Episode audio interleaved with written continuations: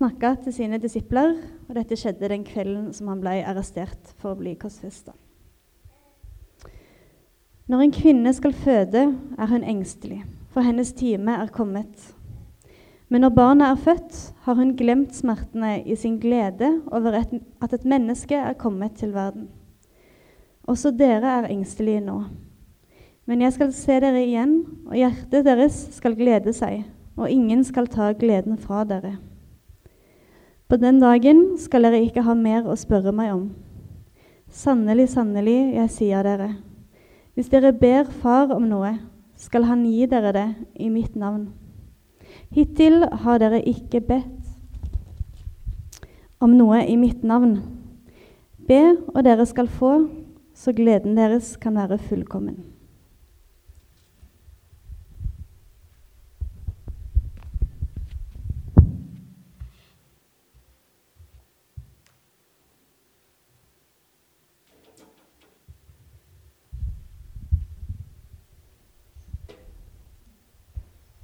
Få presentasjonen opp. Og, ja, så fint.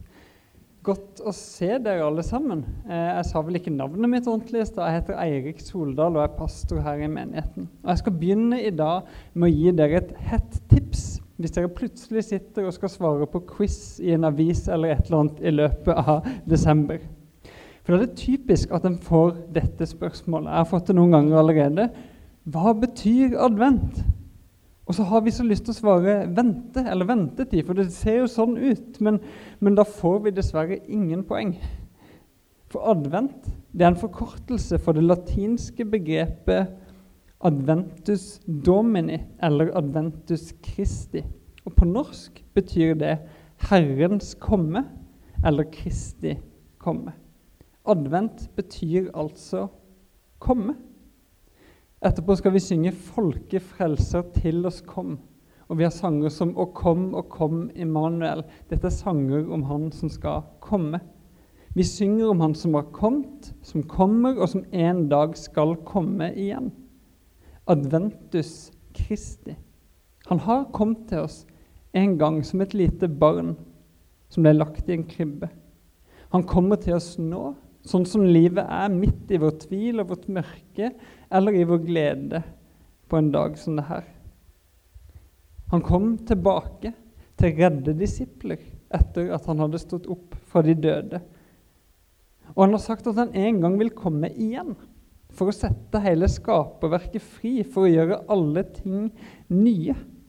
Så i adventstida så fester vi blikket vårt på Jesus og øver oss i å leve i forventning til Han som kom og skal komme. Og i dag så er det andre søndag i advent. Vi har tent to lys.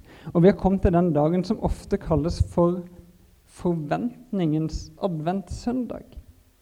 Vi har hørt en tekst der Jesus snakker til disiplene sine. Dere hørte Det var den siste kvelden han hadde sammen med dem før han ble korsfesta. Eller før han ble arrestert for å bli korsfesta. Han har fortalt dem på forhånd om det skremmende som skal skje. Det virker som disiplene ikke skjønner helt hva det er som er i vente, men de skjønner nok til at de blir redde. Og Jesus ser dem, han oppmuntrer dem og sier, 'Jeg kommer tilbake. Jeg skal se dere igjen.' Han gir dem en positiv forventning. Har du lagt merke til den lille logoen nede i skjermen? Denne her. Den pleier ikke å stå der. Vi har nemlig satt i gang nå med en ny undervisningsserie som da skal vare helt fram til sommeren. Og vi har kalt den for Respons. For hver søndag skal vi ta utgangspunkt i søndagens tekst i kirkeåret, som brukes i mange menigheter, bl.a. i Den norske kirke. Og så skal vi lete etter måter som vi kan respondere på det vi hører. Og Det kan se ut på mange forskjellige måter. Vi kan respondere emosjonelt, med en følelse. Vi kan fortelle Gud hva vi føler når vi hører ordet. Enten vi er redde eller glade, irriterte, forvirra, uansett hva det er. Vi kan respondere med refleksjon. Kanskje du har lært noe nytt eller blitt minnet om noe viktig, noe som får deg til å tenke gjennom måten du lever på.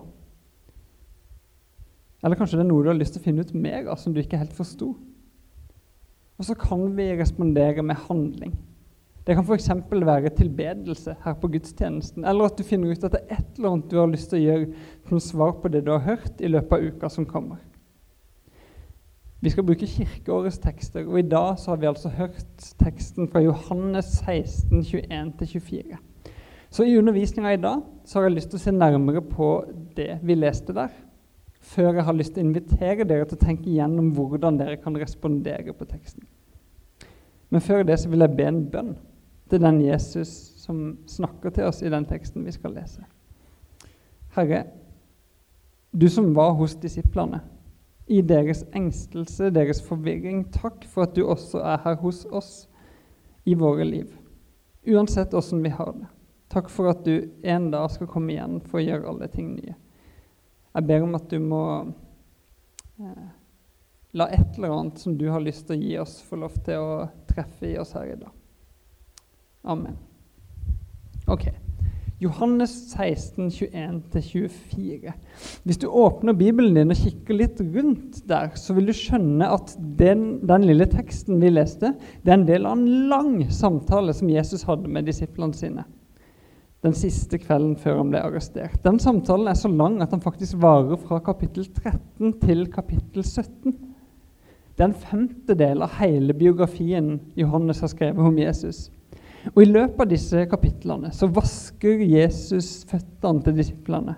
Og han ber de om å tjene hverandre på samme måte. Og Han snakker om kjærligheten, og han forbereder de på at han kommer til å miste sitt liv pga. kjærligheten. Han forteller dem at han er den eneste veien til Gud. At den eneste måten å unngå døden og finne livet, det er å leve i Han. Og Han forteller dem at når han er borte, så vil han gi dem sin ånd, sin hellige ånd, og han har lyst til å fylle dem med en fred som overgår all forstand.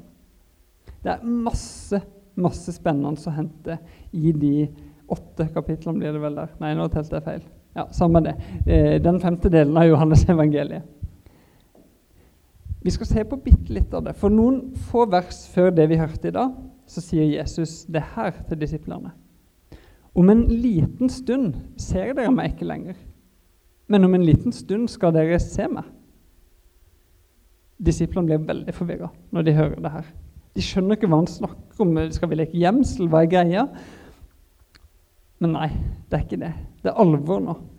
Jesus ser på dem, og så sier han, 'Sannelig, sannelig, jeg sier dere, dere skal gråte og klage, men verden skal glede seg. Dere skal sørge, men sorgen skal bli forvandla til glede.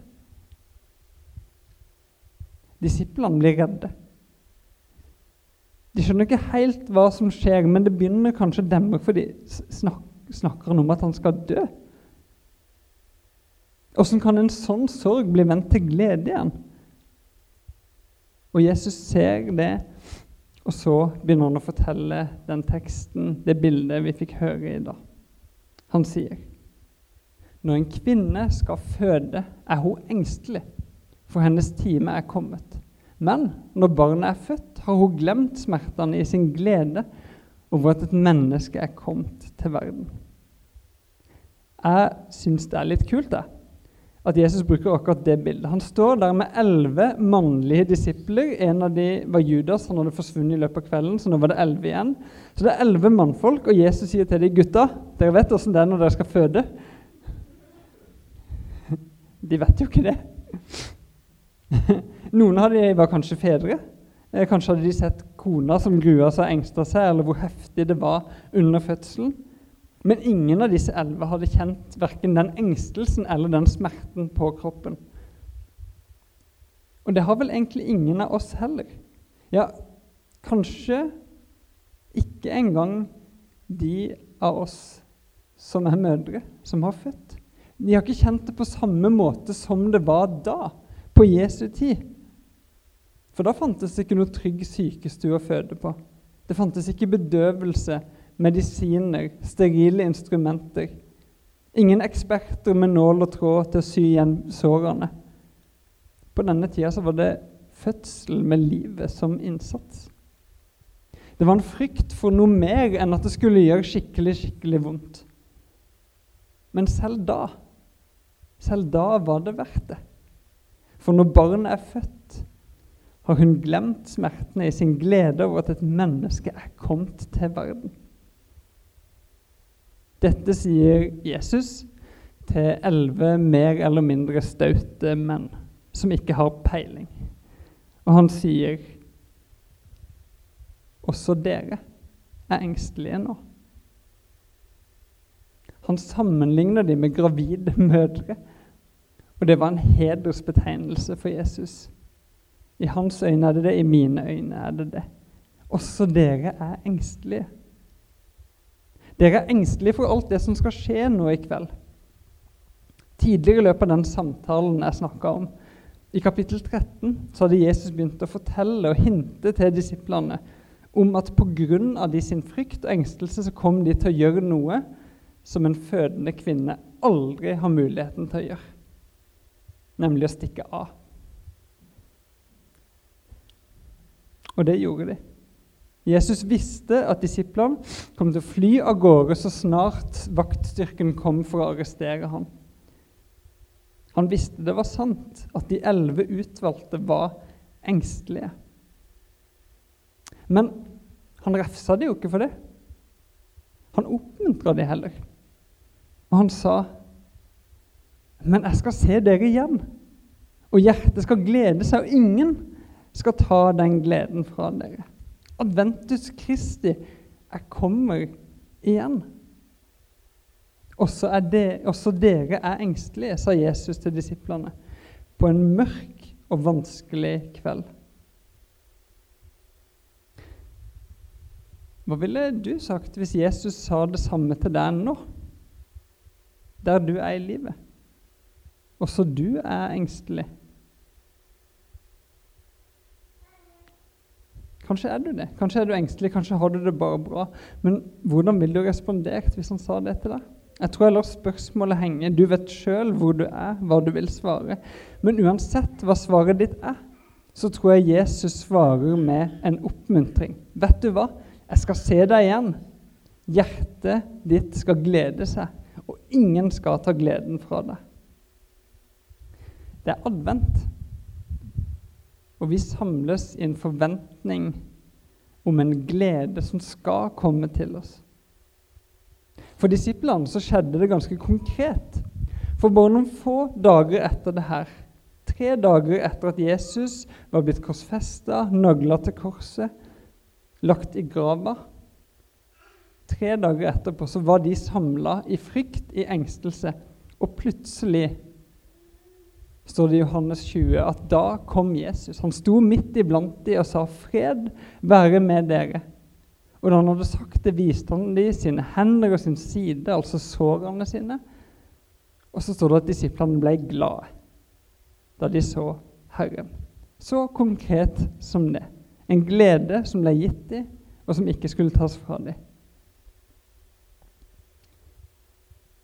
Adventus Kristi. Jesus kommer. Jesus kom. En liten stund så så dere meg ikke, men her er jeg igjen. Nå ser dere meg, kunne han si til disiplene etter oppstandelsen. Og i 40 dager så gikk han sammen med dem. Han spiste og koste seg og drakk og prata og forkynte Guds rike for dem. De så han nå med nye øyne, helt til den dagen han for opp til himmelen og pff, var borte for øynene de sine igjen.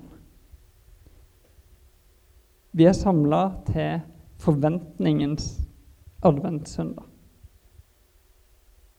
Vi går og gleder oss til jul.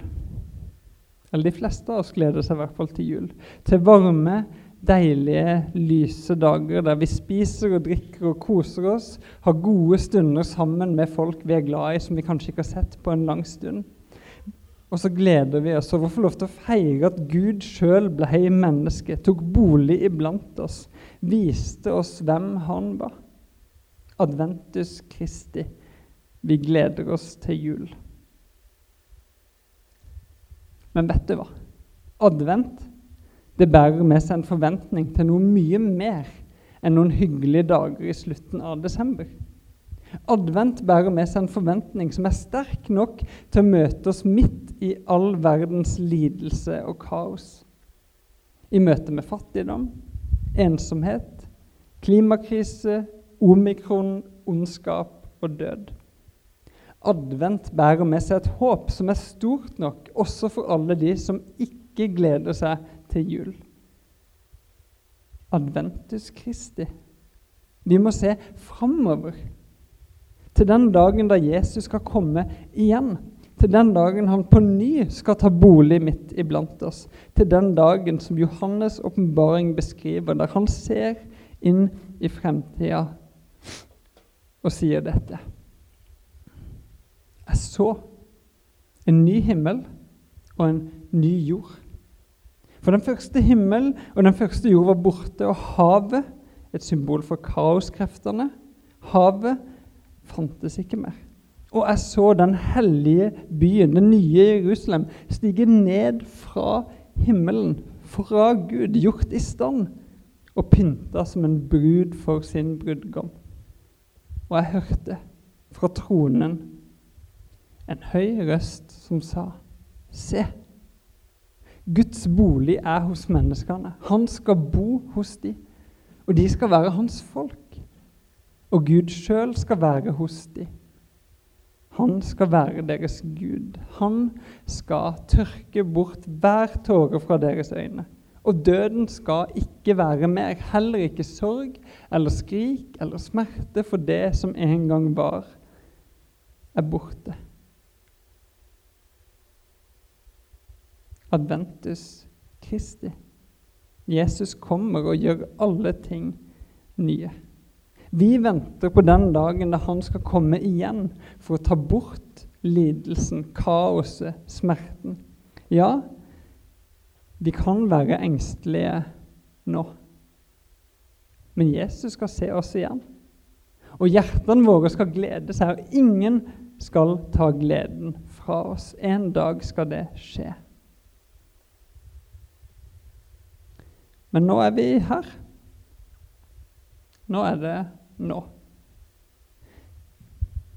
Vi lever fortsatt i en tid som begynte da Jesus sto opp fra de døde, og som vil vare helt fram til den dagen når Jesus skal komme igjen. Guds rike er her allerede. Han, Jesus sa det er midt iblant dere. Merker dere det ikke? Guds rike er her allerede, men ikke fullt ut. Vi lever mellom det som var, og det som skal komme. Vi lever nå. Så vi lever fortsatt i kaos. Vi lever fortsatt med smerte. Vi lever i tvil, men vi lever i bønn.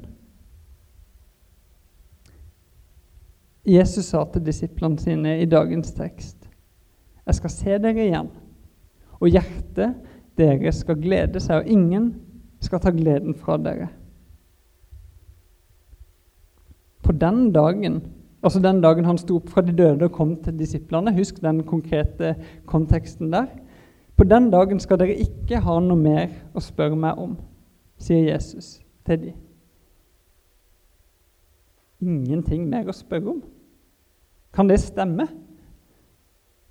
Kanskje, kanskje i akkurat den konkrete konteksten av Johannes kapittel 13-17 en samtale der vi ser at disiplene er forvirra om det ene og det andre. Men når Jesus står opp igjen, når han viser seg for dem, så skjønner de at lidelsen og døden han hadde snakka om, som de ikke skjønte noen ting av, den kunne faktisk lede til seier og liv. Det var noe som gikk opp for dem.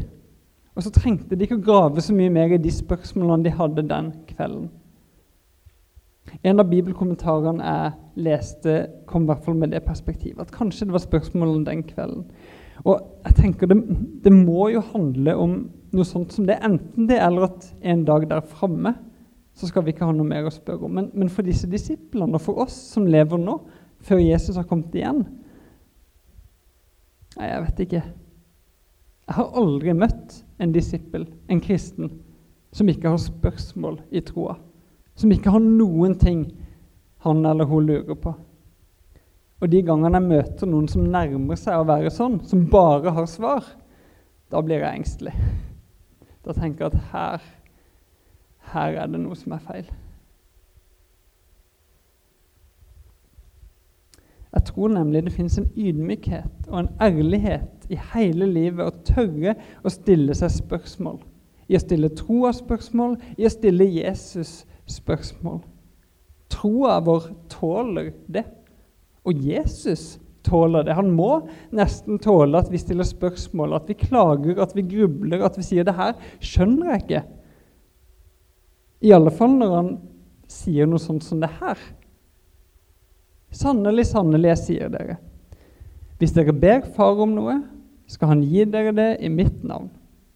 Hittil har dere ikke bedt om noe i mitt navn. Be, og dere skal få, så gleden deres kan være fullkommen.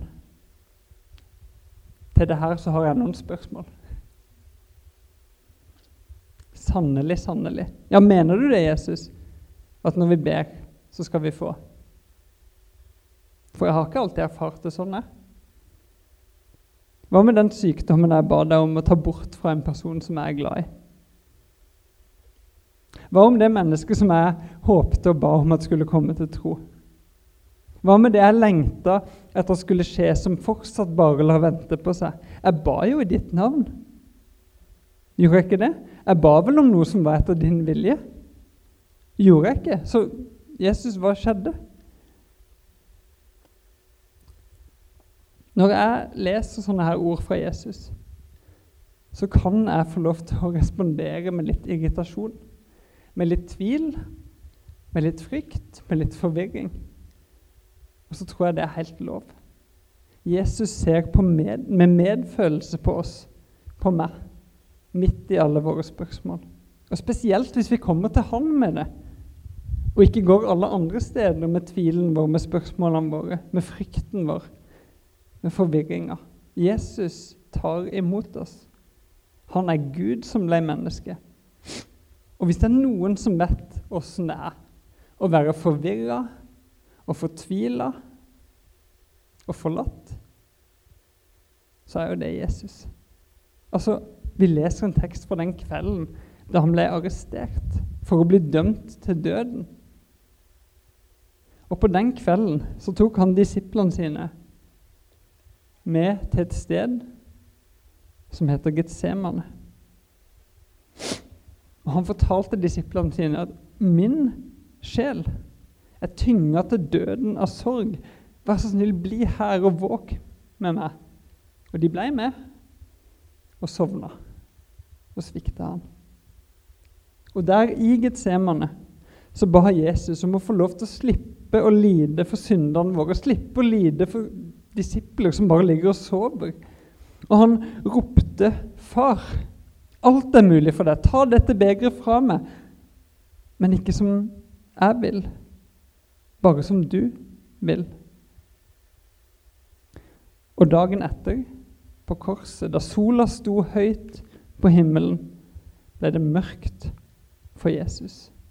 Han ropte ut, 'Min Gud, min Gud, hvorfor har du forlatt meg?'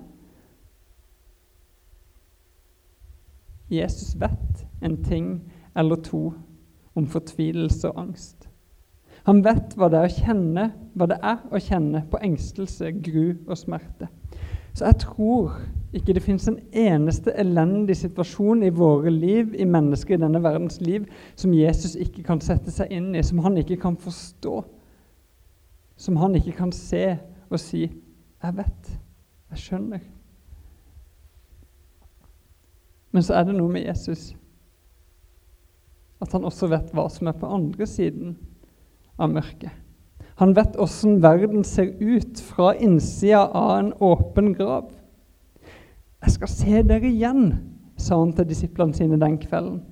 'Og hjertet deres skal glede seg, og ingen skal ta gleden fra dere.' Jeg skal se dere igjen. Jesus gleda seg også. Han sa ikke 'dere skal se meg', han sa 'jeg skal få se dere igjen'. I Hebreerbrevet 12 så står disse ordene.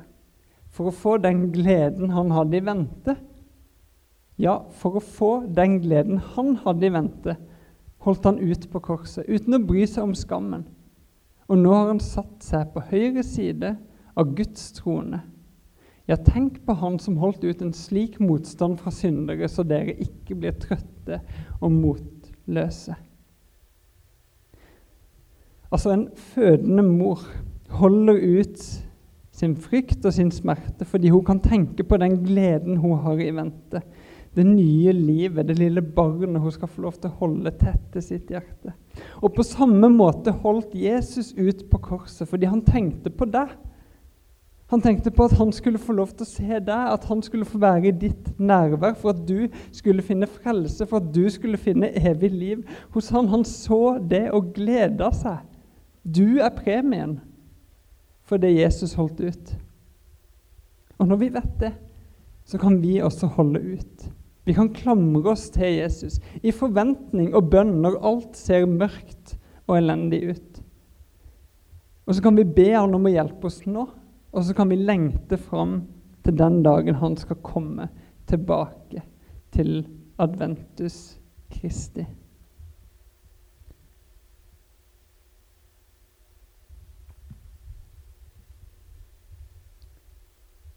Hvordan vil du respondere på de ordene fra Jesus som du har hørt i dag? Det finnes mange muligheter. Du kan respondere med likegyldighet hvis du vil. Ingen nekter deg det. Men jeg har noen kanskje litt bedre forslag. Kanskje kan du respondere med en følelse. Respondere emosjonelt. Kanskje har du kjent på noen følelser allerede nå. Kan du ta og dele de følelsene med Jesus? Kan du fortelle ham hvordan du reagerer på de ordene du har hørt, både fra han og fra meg? Det her kan du gjøre uansett hva du føler. Enten det er frustrasjon og tvil eller lettelse og fred. Jesus er her. Han ser deg, han vil høre. Og så kan du respondere med refleksjon, om du vil. Kanskje det er noen av ordene fra Jesus, noen av ordene i teksten du har lyst til å grunne videre på. Bla opp og les videre når du kommer hjem. Kanskje er det noe der som også kan kaste lys over ditt liv. Og til slutt kan du respondere i handling. Er det noe du kan gjøre som et svar på det du har hørt? Muligheten kommer allerede nå i gudstjenesten. Du kan respondere med tilbedelse. Du kan takke og prise Han som har kommet til verden han som kommer til deg, og som en dag skal komme igjen. Han som har lyst til å gi deg en glede som ingen kan ta ifra deg. Eller så kan du ta Jesus på ordet og faktisk respondere med bønn. Nå hoppa jeg litt for fort her. Det kan være en bønn etter noe du lengter etter og trenger nå. Det kan være å be vår Far sammen med oss andre etterpå, der vi ber om at Guds vilje skal skje. Eller det kan være for advent så er det fantastisk å kunne be denne bønnen som står på den siste sida i Bibelen, i Johannes' åpenbaring, som avslutter med 'Kom, Herre Jesus'. Altså, vi trenger deg. Kom til oss nå. Det er forventningens adventssøndag. Vi har mye godt i vente. For Jesus sier 'Jeg skal se dere igjen' og hjertet deres skal glede seg, og ingen skal ta gleden fra dere. Jeg har lyst til å leve i tro og forventning på det. Amen.